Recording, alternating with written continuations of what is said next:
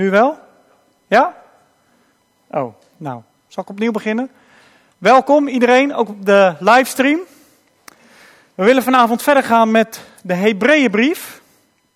We naderen het einde.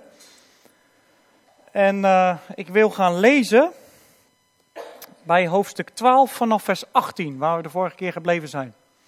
En Meredith, zou jij de plaatje willen presenteren? Ik ga lezen, vers 18 tot en met het laatste vers.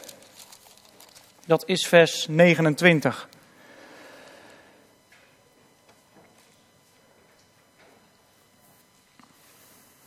Even wachten tot iedereen het gevonden heeft. Hebreeën 12. Ik ga lezen bij vers 18.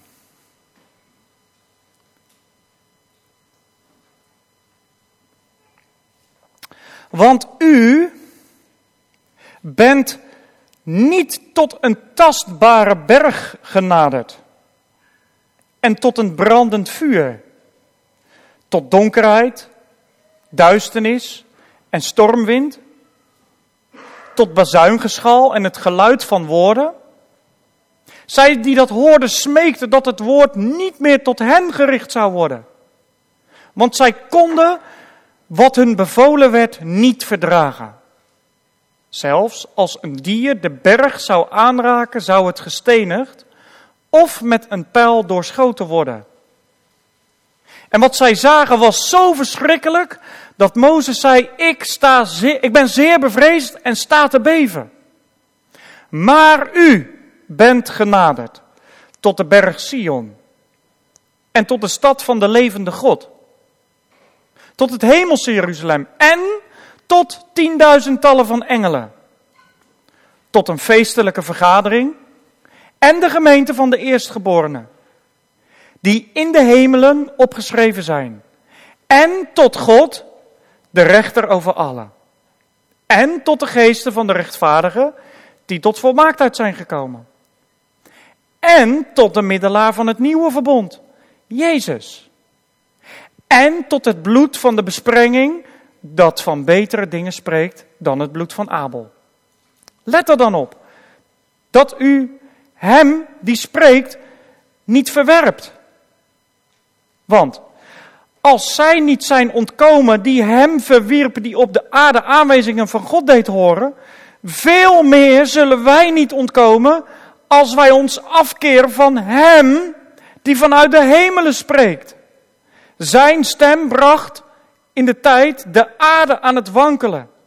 Nu, echter, heeft hij openlijk verkondigd, nog eenmaal zal ik niet alleen de aarde, maar ook de hemelen doen beven. Dit nog eenmaal duidt op de verantwoording van de dingen die kunnen wankelen als de dingen die gemaakt zijn, opdat de dingen die onwankelbaar zouden blijven. Laten wij daarom, omdat wij een onwankelbaar koninkrijk van ontvangen, aan de genade vasthouden en daardoor God dienen op een hem welgevallige wijze, met ontzag en eerbied. Want onze God is een verterend vuur. Het begint met ernstige woorden en het sluit af met ernstige woorden. En ik kan me zomaar voorstellen dat als je dit vanavond zo leest, Hilma die las het vanmiddag thuis en ze zegt, nou, was een moeilijk gedeelte. Ik kan me zo maar voorstellen. En ik heb daarom, probeer ik het vandaag in stukjes te knippen. Ik heb als thema met volharding lopen vanuit het nieuwe verbond. Uh, het hoofdstuk 12, ik weet niet of dat jullie dat nog wezen, uh, weten, toen zijn we begonnen. Wel, nu dan broeders, nu wij door zo'n menigte van getuigen worden omringd, laten we afleggen alle last, alle zonde die ons zo gemakkelijk verstrikt. En laten wij met volharding de wedloop lopen die voor ons ligt. Dat is eigenlijk de basis van heel hoofdstuk 12. Ook de basis van hetgeen wat we net hebben gelezen en wat we vanavond gaan behandelen. Maar die basis van vanavond, die komt weer uit de basis van de hele Hebreeënbrief. Laten we dat heel kort even met elkaar bespreken. God heeft gesproken. Zo begint de Hebreeënbrief. Vroeger door de profeten, maar in onze dagen door de Zoon. Dat is de setting van de hele brief. God heeft gesproken tot ons door de zoon. En de hele Hebreeënbrief onthult ons wie de zoon is. Hij is meer dan alle engelen. Hij is gezet aan de rechterhand van de Vader, een kernthema in het hele Hebreeënboek. Gezeten aan de rechterhand van de Vader. Daar zit de zoon die gesproken heeft en spreekt. En hij is meer geweest dan Adam, hij is meer dan Mozes, hij is meer dan welk iemand anders ook, Aaron. En hij was als dezelfde orde als Melchizedek. Alle priesters en hoge priesters kwamen uit het Levitische, uh, uit de stam van Levi. En elke hoge priester stamde af van Aaron. Maar de Heer Jezus was naar de orde van Melchizedek. Want hij was uit de stam van, weet jij het? Weet jij het? Wie weet het wel? De stam van? Ja, stam, ja, dat was geen stam. Hij was de stam van Juda. De stam van Juda. Daarom kon hij eigenlijk geen hoge priester worden, maar alleen naar de orde van Melchizedek. Nou, hij heeft van verteld, hoe was hij dan hoge priester geworden? Hij heeft niet met bloed van stieren en van bokken het heiligdom binnengegaan, de tempel of de tabernakel. Nee, hij is met zijn eigen bloed het hemelse heerlijkheid binnengegaan, de hemelse tabernakel. En dat heeft hij niet zoals de priester elk jaar die opnieuw verzoening moest doen. Nee, hij is eenmaal met zijn eigen bloed binnengegaan en heeft hij een verzoening tot stand gebracht voor de gehele wereld. Niet alleen voor de Joden, maar ook voor de heidenen, wij, voor ons.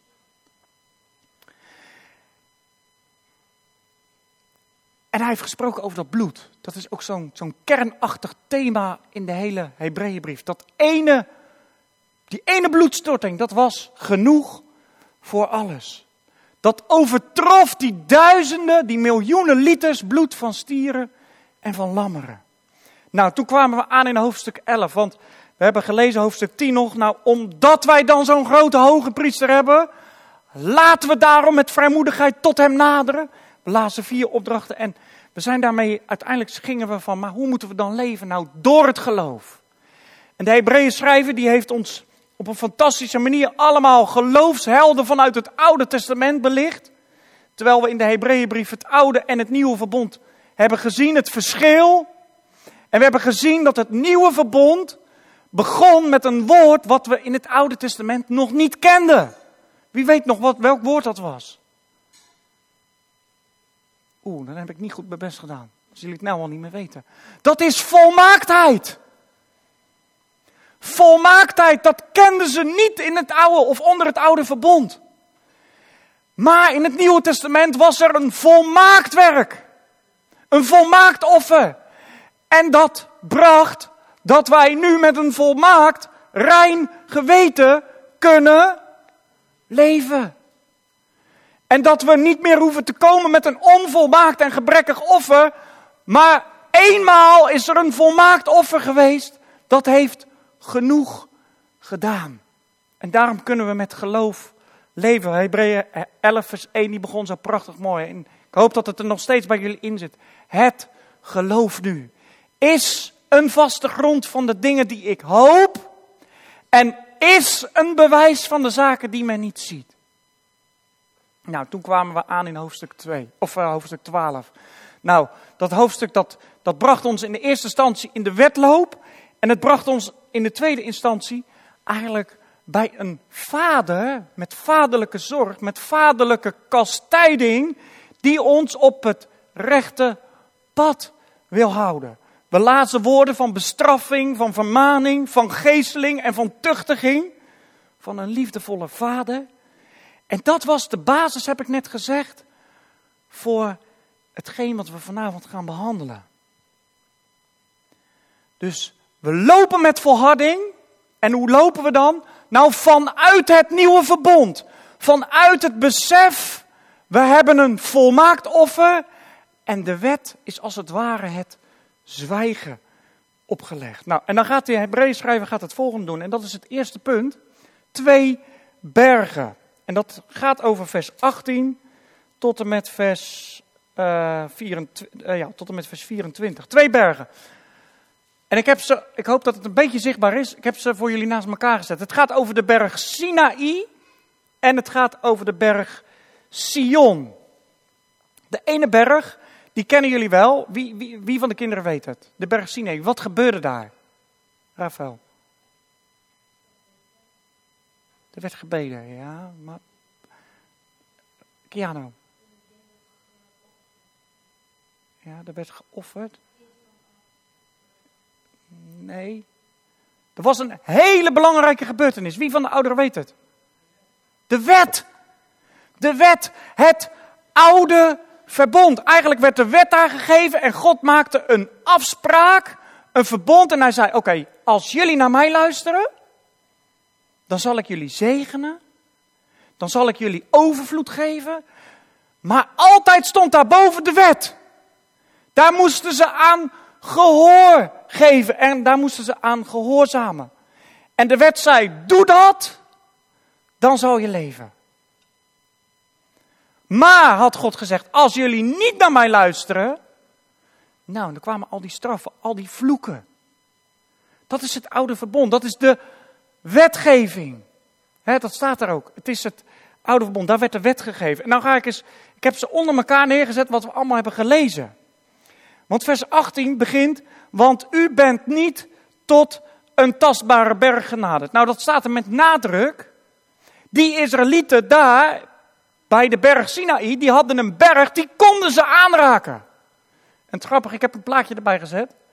Dat is de berg Sinaï in Arabië, niet in de Sinaï-woestijn. Die top is zwart geblakerd. Persoonlijk ben ik van mening dat het in Arabië is, in het toenmalige Midian, maar goed, dat is wat anders. Maar die top is zwart geblakerd. En waarom? Omdat daar een brandend vuur was. God was tegenwoordig als een brandend vuur. Ze konden die berg aanraken, ze konden hem zien en God was daar als een brandend vuur. Onder het oude verbond, God als brandend vuur. En, en vuur spreekt altijd, oké, daar moet ik afstand van nemen, want van vuur ben je bang. Vuur dat verteert je en vuur dat vernietigt je en vuur dat verwoest je. En zo kwam God zichtbaar, tastbaar naar beneden op aarde. En wat had dat voor reactie? Nou ja, er staan nog meer woorden. Uh, hij kwam niet alleen met vuur, maar ook met donkerheid, duisternis, storm, uh, met stormwind. Wat een, wat een heftige woorden. God daalt neer op de berg Sinaï. Hij gaat een verbond sluiten met het volk. En hij doet dat op een onzagwekkende wijze. En dat doet hij op zo'n manier dat het hele volk tegen, tegen Mozes zegt: Alsjeblieft, Mozes, gaat u met God spreken, want dit kunnen wij echt niet aanhoren. Ze nemen als het ware pas op de plaats en ze doen een stapje terug en ze zeggen nee. Zo'n ontzettend ontzag hadden ze voor wat hun zichtbaar voor ogen en hoorbaar voor hun oren was, was gebeurd. Dat was de indruk die in hun leven tevoorschijn. Een stapje terug. En ik hoop dat je goed beseft, dit is onder het oude verbond met een dikke streep eronder. Wat gebeurde er nog meer bij die berg Sinaï? Er was bazuingeschal, vers 19. En het geluid van woorden. Zij die dat hoorden smeekten dat het woord niet meer tot hen gericht zou worden. Jullie kunnen dit lezen, voor degenen die het na willen lezen, in Exodus 19 en Exodus 20. Want, zegt vers 20, Hebreeën 12, vers 20.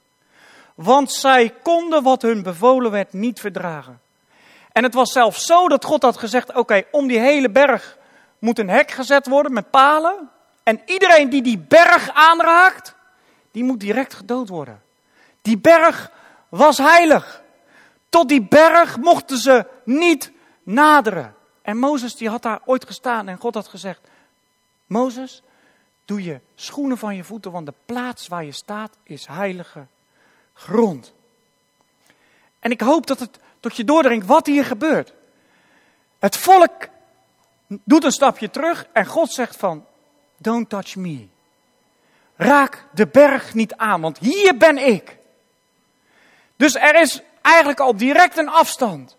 Ja, God daalde vanuit de hemel neer en woonde te midden van zijn volk. Met zijn heerlijke tegenwoordigheid, de wolkolom. Maar toch was er altijd een afstand.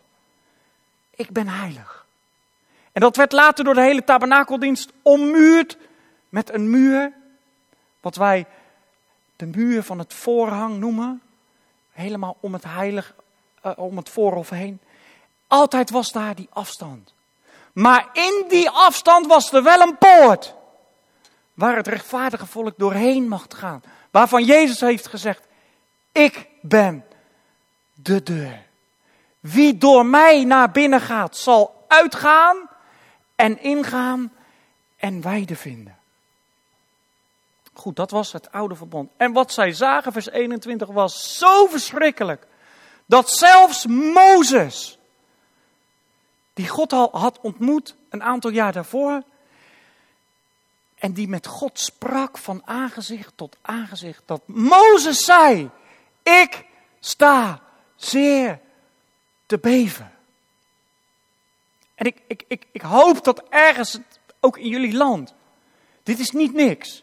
Mozes sprak van aangezicht tot aangezicht met God. En God openbaart zich op dit moment. En zelfs Mozes staat te beven van angst. Waarom? Er is vuur, er is donkerheid, er is uh, duisternis, er is stormwind, er is bazuingeschal. Het geluid van woorden wat niet te verdragen is. En die tastbare berg niet kunnen aanraken. Dat is wat er gebeurt. Dat is de berg van het oude verbond. Oké. En dan komen we bij vers 22. Lees eens met me mee. Maar u. En weten jullie nog aan wie deze brief was geschreven? De brief was gericht aan tot geloof gekomen Joden. Joodse mensen, Hebreeën, die tot geloof waren gekomen en die op het punt stonden af te haken vanwege het feit dat ze vervolgd werden, omdat zij in Jezus gingen geloven. Of tot geloof waren gekomen in Jezus. En daarom heeft deze hele Hebreeënbrief schrijver hun een brief geschreven. En hij heeft hun eigenlijk opnieuw uit de doeken gedaan. De heerlijkheid, de grootsheid van Jezus. En hij heeft gezegd van, maar wacht even dat is gebeurd. Hun kwamen tot een tastbare berg, maar u. Hey, hun kwamen tot een tastbare berg, maar u bent genaderd. U bent dichtbij gekomen. U bent daar naartoe gekomen. Naar de berg Sion. Helaas verstaan wij allemaal geen Hebreeuws meer, maar ik kwam een uitleg tegen van het woord Sion. En dat heeft mij zo ontzettend gevallen. Ik vond het zo fascinerend. Ik vind het ook zo mooi. Ben er ook gewoon enthousiast over. Weet je wat Sion betekent? Plaats waar het vuur geweest is. Weet je wat dat betekent? Dat het vuur daar niet meer kan komen. Ik zal het uitleggen. Uh, aan de hand van een voorbeeld. Wat ik, heb, ik heb vroeger ooit, misschien kennen jullie het wel, het, het, Kleine Huis op de Prairie gelezen. Kennen jullie dat boek van Laura Ingalls? Uh, wereldberoemd boek. Echt, uh, het is ook verfilmd. Die film slaat helemaal nergens op, maar de boek is echt prachtig. Nou, op een gegeven moment, ze, ze, ze, leven in de prairie. En dat, dat ja, te midden van prairiegras. En ze leven daar gewoon in een hutje. Ja, wij zouden zeggen hutje op de hei, maar dat was een hutje op de prairie. En op een gegeven moment zien ze vanuit de verte, kilometers bij hen vandaan, is er een prairiebrand. Nou, dat, de, de zon heeft dat prairiegras helemaal uitgedroogd. En wat gebeurt er? Dat vuur dat komt als een lopend vuurtje, letterlijk en figuurlijk, op hun af. En wat deed vader? Hij groef zo snel mogelijk om het huis een kuil, met, met uh, ja, eigenlijk een gul. En wat deed hij? Hij ging het vuur aansteken achter de gul. Ja? Dus als ik moet zeggen, dit is het huis, daaromheen graaft hij een, een gul en hij gaat het vuur gaat hij aansteken zodat dat vast daarheen gaat. Begrijp je wat ik bedoel? Dus het vuur ging het vuur tegemoet. En tegen die tijd dat het grote vuur hun kant op kwam, was het vuur daar al geweest. Dus het, het had hun beschermd. Dat is Sion. Het vuur wat de berg zo ver heeft aangetast dat het zelfs eeuwen later nog zwart is van het verterende vuur van God. Wij komen op een plaats waar het vuur geweest is. Een van de psalmen, ik ben met psalmen opgegroeid en ik vind, ze, ik, ik vind ze nog steeds mooi. Die zegt, de hitte van uw gramschap is geblust. Gods toren is geblust aan het kruis van Golgotha. Daar heeft God de Vader het behaagd om hem te verbrijzelen. We zien als het God, als het ware zien we God de Vader, zien we daar met zijn verterende vuur. Met donkerheid, met stormwind, met een aardbeving. We hebben ervan gezongen, een prachtig lied. Dat is wat daar gebeurde. En wij zijn genaderd tot de berg Sion. De plaats waar het vuur geweest is. Ik heb hem daar onderin erbij gezet. Als laatste. De plaats, de berg Sion. Eigenlijk spreekt die hele berg al over iets heel anders. Die berg is dus niet per se een tastbare berg, al is het bij Jeruzalem. Het is niet meer tastbaar zoals het toen was onder het oude verbond, maar wij zijn genade tot de berg Sion. Waarom zeg ik dit? We zijn niet tot de tastbare berg genaderd. Wij leven door het geloof. Het is een gevolg van Hebreeën 11. Het geloof nu is een vaste grond voor de dingen die ik hoop en is een bewijs voor de zaken die ik niet kan zien. De berg Sion. En de berg Sion is in het hele, in de, door de hele Bijbel heen, is onlosmakelijk verbonden met de woonplaats van God. En God woont in de hemel, toch? En God was neergedaald. Hij wilde te midden van zijn volk wonen, maar hij liet daarmee tegelijkertijd zien: ik ben heilig. Jullie kunnen niet zomaar tot mij naderen. En er is een afstand. En er is altijd een middelaar nodig. Daar kom ik zo nog even op terug. Maar er was altijd iemand nodig die tussen God en tussen de mensen communiceerde. Maar u bent genaderd tot de berg Sion, tot de stad van de levende God. En eigenlijk, als je die dingen zo als, allemaal naast elkaar zet, dan zien we, deze woorden klinken heel liefelijk. Deze woorden klinken heel aantrekkelijk, zo van, kom eens dichterbij. Onder het oude verbond was het allemaal afstotelijk.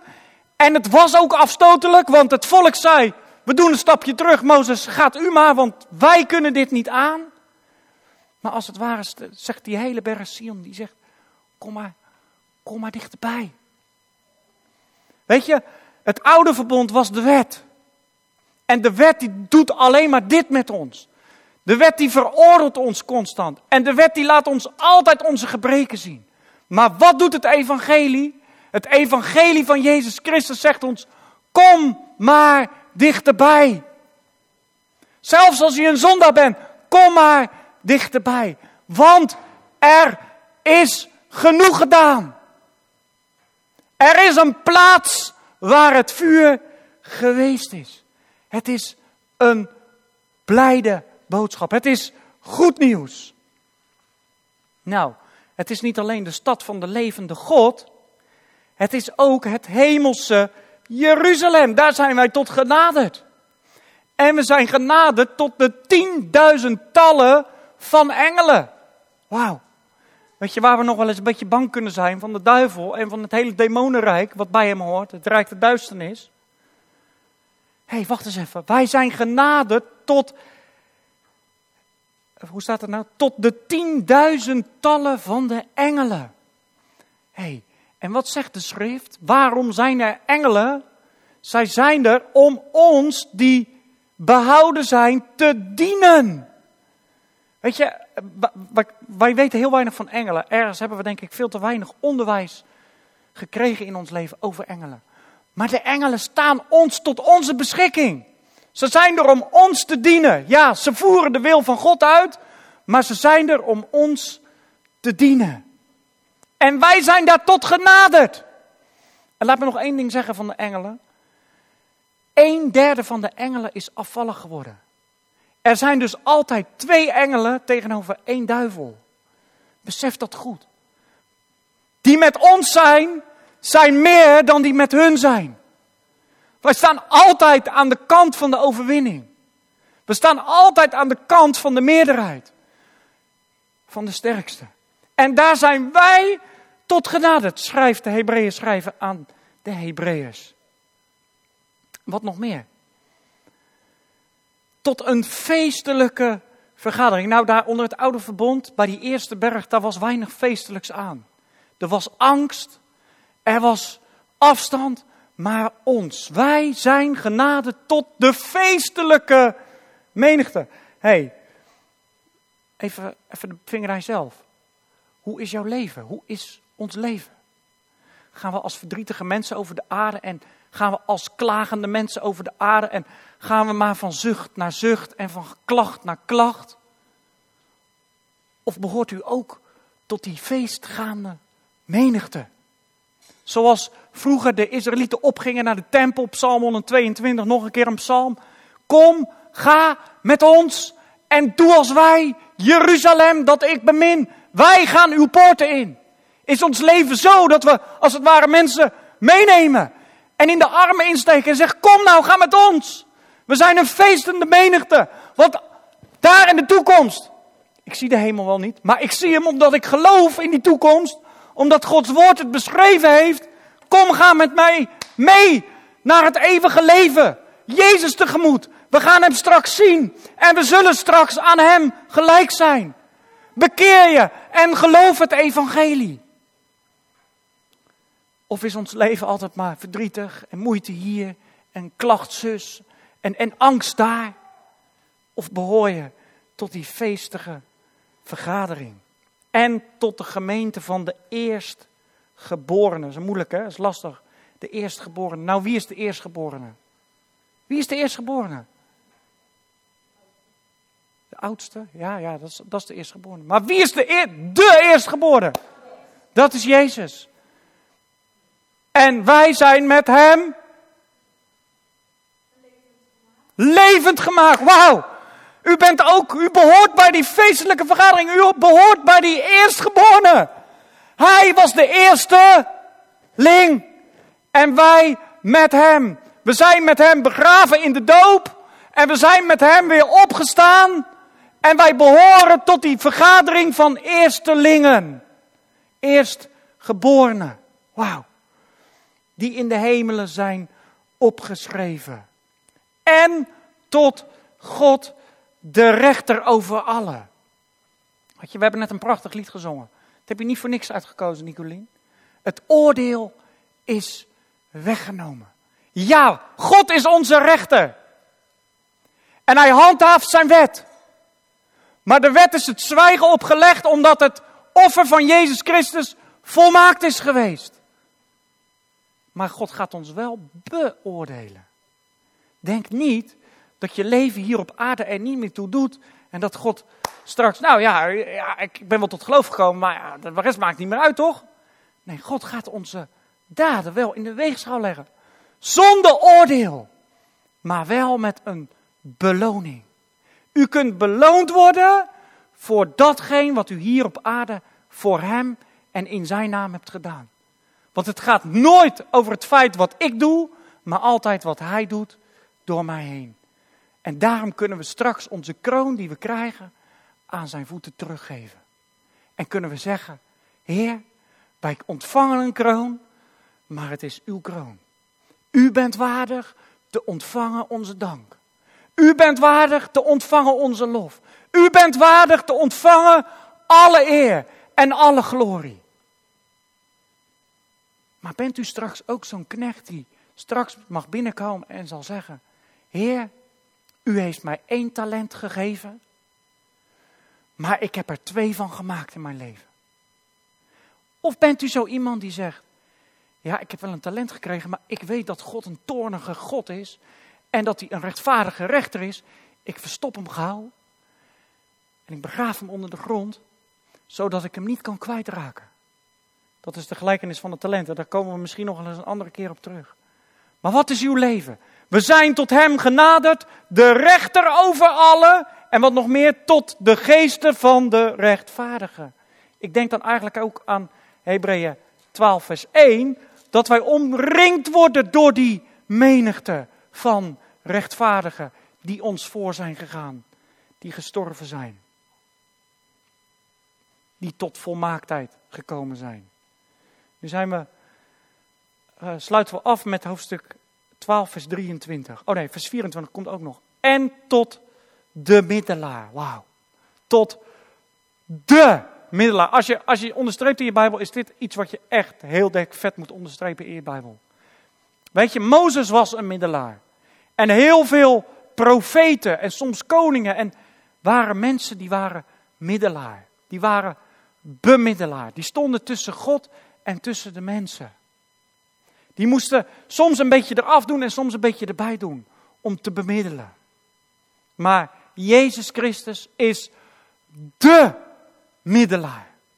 Hij heeft niet bij God een beetje eraf gesnoept en bij ons een beetje eraf gesnoept. Hij heeft gezegd, weet je, vader, ik kom om uw wil te doen. En ik zal mij buigen naar uw eis. Hij heeft volledig onder de eis van Gods wet gebogen. Heeft gezegd, ik kom, o Heer, om uw wil te doen. Om uw wil, uw wet, uw, die volmaakt en rein en heilig is. Ik kom die om die te vervullen.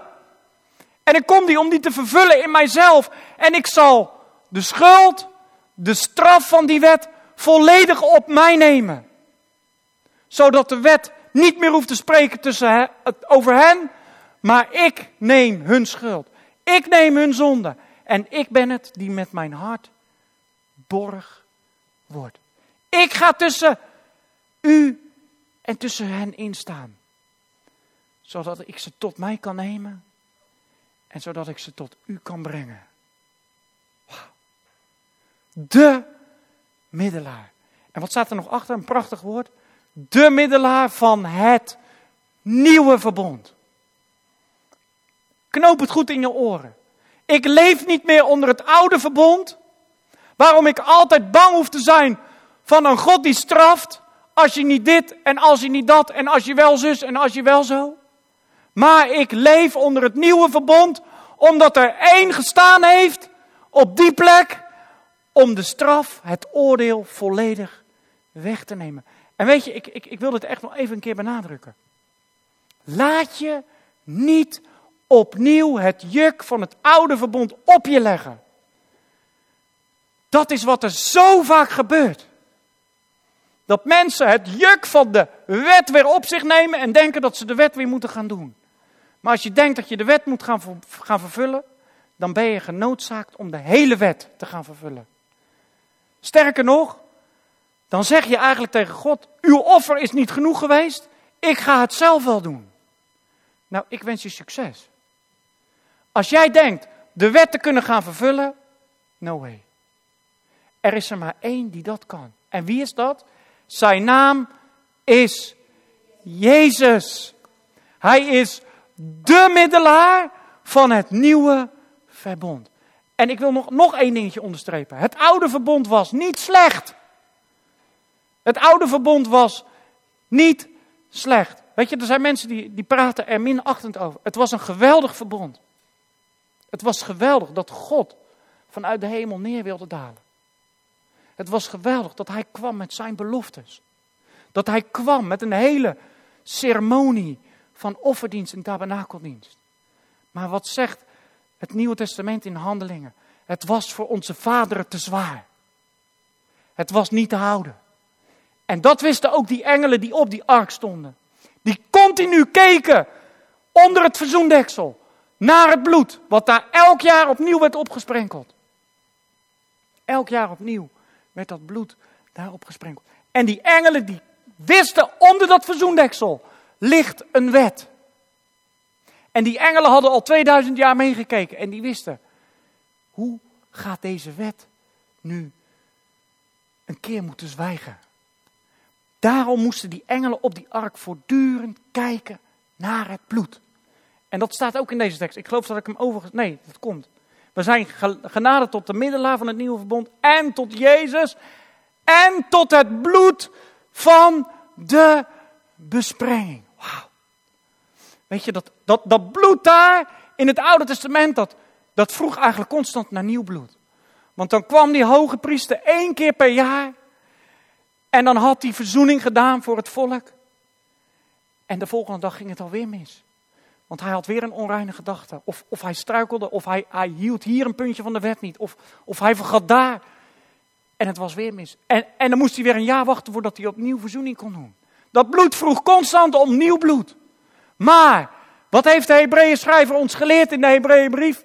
Hij is eenmaal met zijn eigen bloed binnengegaan.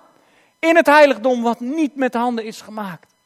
Maar hij heeft daar verzoening tot stand gebracht. Ik zou zeggen, halleluja.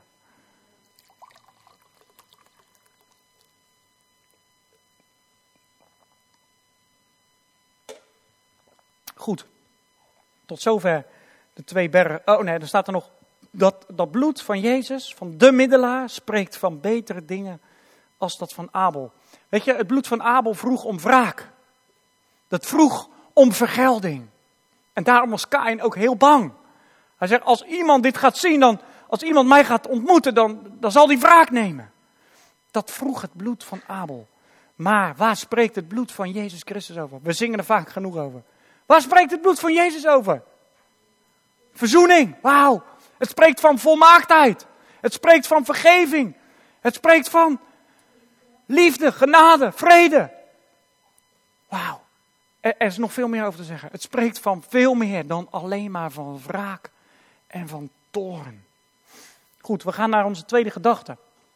Zou je het andere plaatje weer kunnen zetten? Onze verantwoording tegenover Hem die spreekt. Oké, weet je, we hadden gezien bij het oude verbond, daar was iemand die sprak, dat was God vanuit de wolk. Maar het volk had een verantwoording tegenover Hem. Maar dat is voor ons net zo goed. De Hebreeën schrijver gaat het uitleggen. Vers 25. Let er daarom op. Oké, wat hebben we nou gelezen? We zijn genaderd tot de berg. En we zijn niet genaderd tot de tastbare berg, waar al die verschrikkelijke dingen waren. Wij zijn genaderd tot Hem. Let er daarom op dat u Hem die spreekt niet verwerpt. Nou, nou komen we eigenlijk, eigenlijk weer terug bij Hebreeën 1, vers 1. Zullen we hem er even bij pakken? Want anders denk je misschien, die Ranier die staat uit zijn duim te zuigen. Nadat God voorheen vele malen en op vele wijzen tot de vaderen gesproken had door de profeten, heeft Hij in de laatste dagen tot ons gesproken door de Zoon. Hem die spreekt niet verwerpt. Wij hebben een verantwoording tegenover Hem die spreekt. En wie is Hij die spreekt? Zijn naam is Jezus. Want als zij onder het oude verbond niet ontkomen zijn, die hem verwierpen, en de middelaars onder het oude verbond, even kijken hoor, uh, even kijken hoor, die de aanwijzingen van God deed horen, veel meer zullen ook wij niet ontkomen als wij ons afkeren van Hem die vanuit de hemelen spreekt. Oké, het oude verbond, het was een goed verbond. En als daar al zulke straffen op stonden, als we de stem van God ongehoorzaam waren, of als we de profeten doden, of als we Mozes, een van de belangrijkste middelaren uit het oude verbond, ongehoorzaam waren, als daar al zulke straffen op stonden, wat denken jullie dan? Wat er zou gebeuren als we de middelaar van het nieuwe verbond, Jezus, zijn stem als het ware in het niet doen en hem ongehoorzaam zijn die vanuit de hemelen spreekt. Dat hebben we ook gelezen in Hebreeën 2. Ik zal het even bij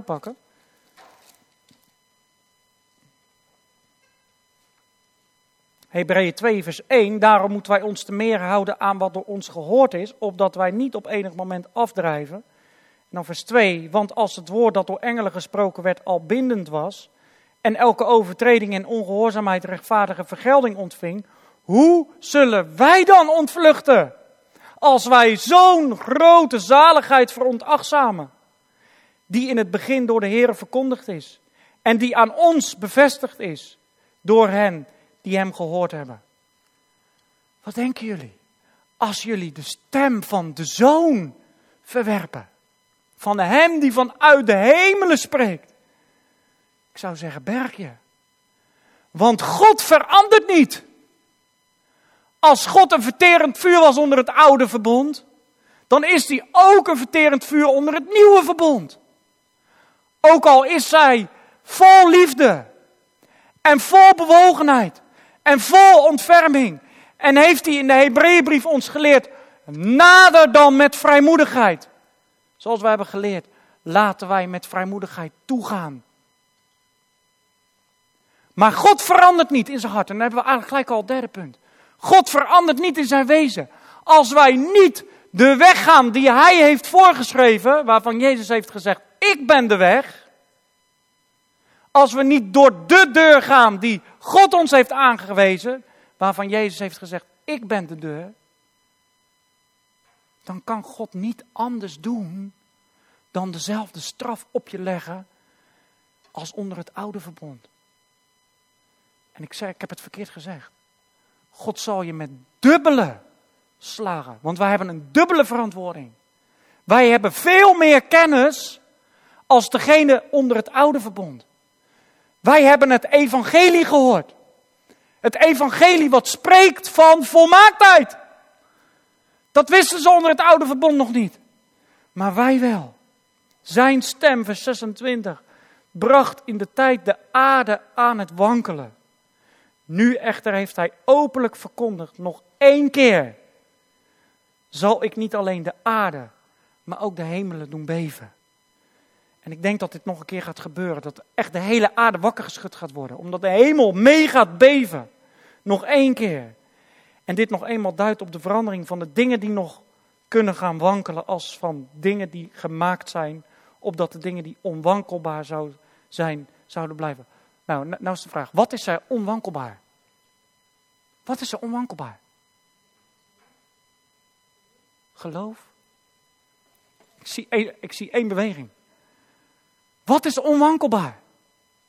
Wat houdt stand in eeuwigheid? Jezaja 40. De bloem valt af, het gras verdort, maar het woord van onze God bestaat in eeuwigheid.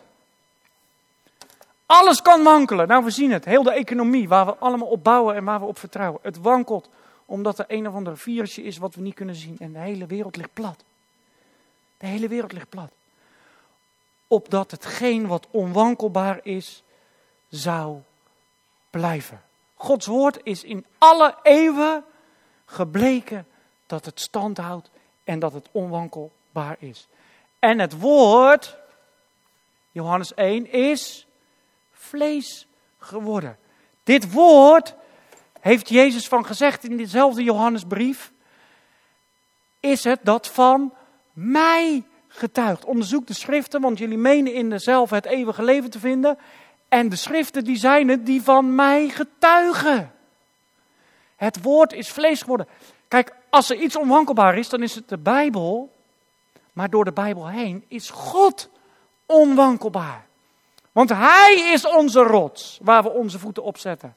Hij is onze sterke toevlucht. Hij is onze schuilplaats. Bij Hem kunnen we schuilen. Als we in Hem zijn en Hij wankelt niet, dan zullen ook jij en ik niet wankelen. Toch? Of heb ik dat mis? Ik ben niet zo goed in wiskunde, maar dit kan ik wel uitrekenen. Als hij niet wankelt en ik ben in hem, zal ook ik niet wankelen. eigenlijk had ik nu wel verwacht dat jullie heel hard halleluja zouden uitroepen. Of amen zouden zeggen. Want dat is toch het enige antwoord wat we hierop kunnen geven. Broeders en zusters, we zijn in hem die onwankelbaar is, die eeuwig is en die nooit zal laten varen het werk wat zijn hand is begonnen. Toch? Of niet? Nou, ik ga naar mijn laatste punt. Onze levenshouding tegenover Hem die spreekt. Oké, ik heb gezegd, deze, uh, dit Bijbelgedeelte, het afsluiting van hoofdstuk 12, staat in teken van hoofdstuk 12, vers 1. Die wedloop. En daar, eigenlijk, eigenlijk is dit gewoon een gevolg van die wedloop. Weet je, we moeten continu bedenken dat we die wedloop aan het lopen zijn. Dat we niet meer die last van het oude verbond op ons nemen. Maar dat we zijn als die feestvierende menigte. En dat we hem die gesproken heeft niet verwerpen, maar dat we hem navolgen. Dat we in Hem onwankelbaar zijn. En daarom laten wij, vers 28 gaan we afsluiten, laten wij daarom, om al die redenen, omdat wij een onwankelbaar koninkrijk ontvangen, aan de genade vasthouden. Wauw, dat is één. Laten wij aan de genade vasthouden. Ik vertrouw niet op eigen kracht. Ik vertrouw niet op eigen inzicht. Ik vertrouw niet op datgene wat ik presteer in mijn leven. Maar ik hou me vast aan de genade van God. En genade is genade. Genade is geen werk. Genade is ontvangen. Genade is niet verdienen. Genade is genade. Het is niet verdienen en toch krijgen. Dat is genade. Laten wij daarom vasthouden aan hetgeen wat wij niet verdienen, maar we toch krijgen. En het is onwankelbaar, omdat Hij niet wankelt en omdat Zijn beloftes niet zullen falen in de eeuwigheid. Amen. Laten we aan de genade vasthouden. Daardoor God dienen. Weet je, veel mensen zijn bezig met God te dienen zonder genade. Oude verbond zeg ik dan. Berg Sinaï. Nou bergje. Neem maar vast een stapje terug als je God zo wil dienen. Maar God dienen is dienen vanuit genade. Zijn genade vasthouden en hem dan dienen. Op een hem welgevallige wijze. Ja, dat is de volgorde. Niet hem gaan dienen zonder genade, want dan zijn we bezig met presteren, dan zijn we bezig met doen, maar bezig zijn met genade. En dat is eigenlijk iets wat ons continu verootmoedigt. Want we beseffen continu, dagelijks, dat wij onvolmaakt zijn. Maar als wij ons oog gericht houden op Jezus, dan beseffen we dat genade volmaaktheid heeft gebracht en Hij woont in mij. Toch? We hebben toch zijn Heilige Geest ontvangen, of niet? Toen we tot geloof kwamen. We zijn met Hem verenigd. We zijn één geest met Hem geworden. Laten we daarom niet opnieuw het juk van dienst opleggen. Van donkerheid en vuur en van al die moeilijke dingen. Maar laten we gaan tot Jezus, de middelaar van het nieuwe verbond. En dan kunnen we Hem dienen op een Hem welgevallige wijze. Met ontzag en eerbied. Weet je, ik heb er echt een hekel aan als, als mensen over God spreken alsof het hun knikkenvriendjes of zo. Daar heb ik echt een hekel aan. Weet je, want God is nog steeds dezelfde. daar sluit hij ook mee af. Weet je, doe niet alsof God een verterend vuur was onder het oude verbond en nu ineens niet meer of zo. God is nog steeds een verterend vuur. Als u hem niet dient op een hem welgevallige wijze. Als u hem niet dient uit genade. Ik zou zeggen, berg je dan, want God is dezelfde. Laten wij daarom het thema van de preek. Hem dienen, de wedloop lopen en genade ontvangen. Amen. Zal ik danken? Hemelse Vader. We staan vol ontzag voor U.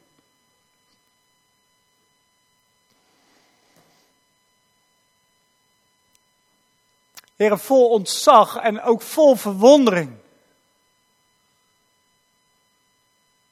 Verwonderd, Heer, dat u een volmaakt offer heeft gegeven.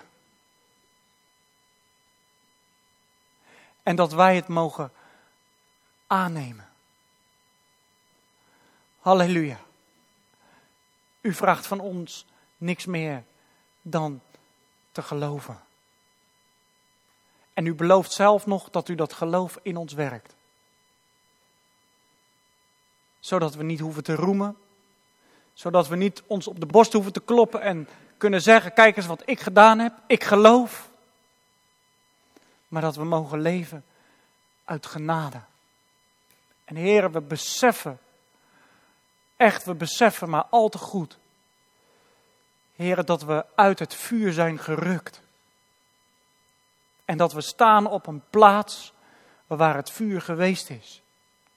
Omdat u door het vuur wilde gaan, Heer Jezus. Halleluja. Dank u wel dat we kunnen zeggen en kunnen zingen. Ik ben vrijgekocht.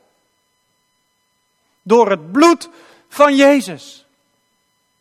Dank u wel dat we kunnen zeggen dat na 2000 jaar de kracht van het bloed niet is afgenomen.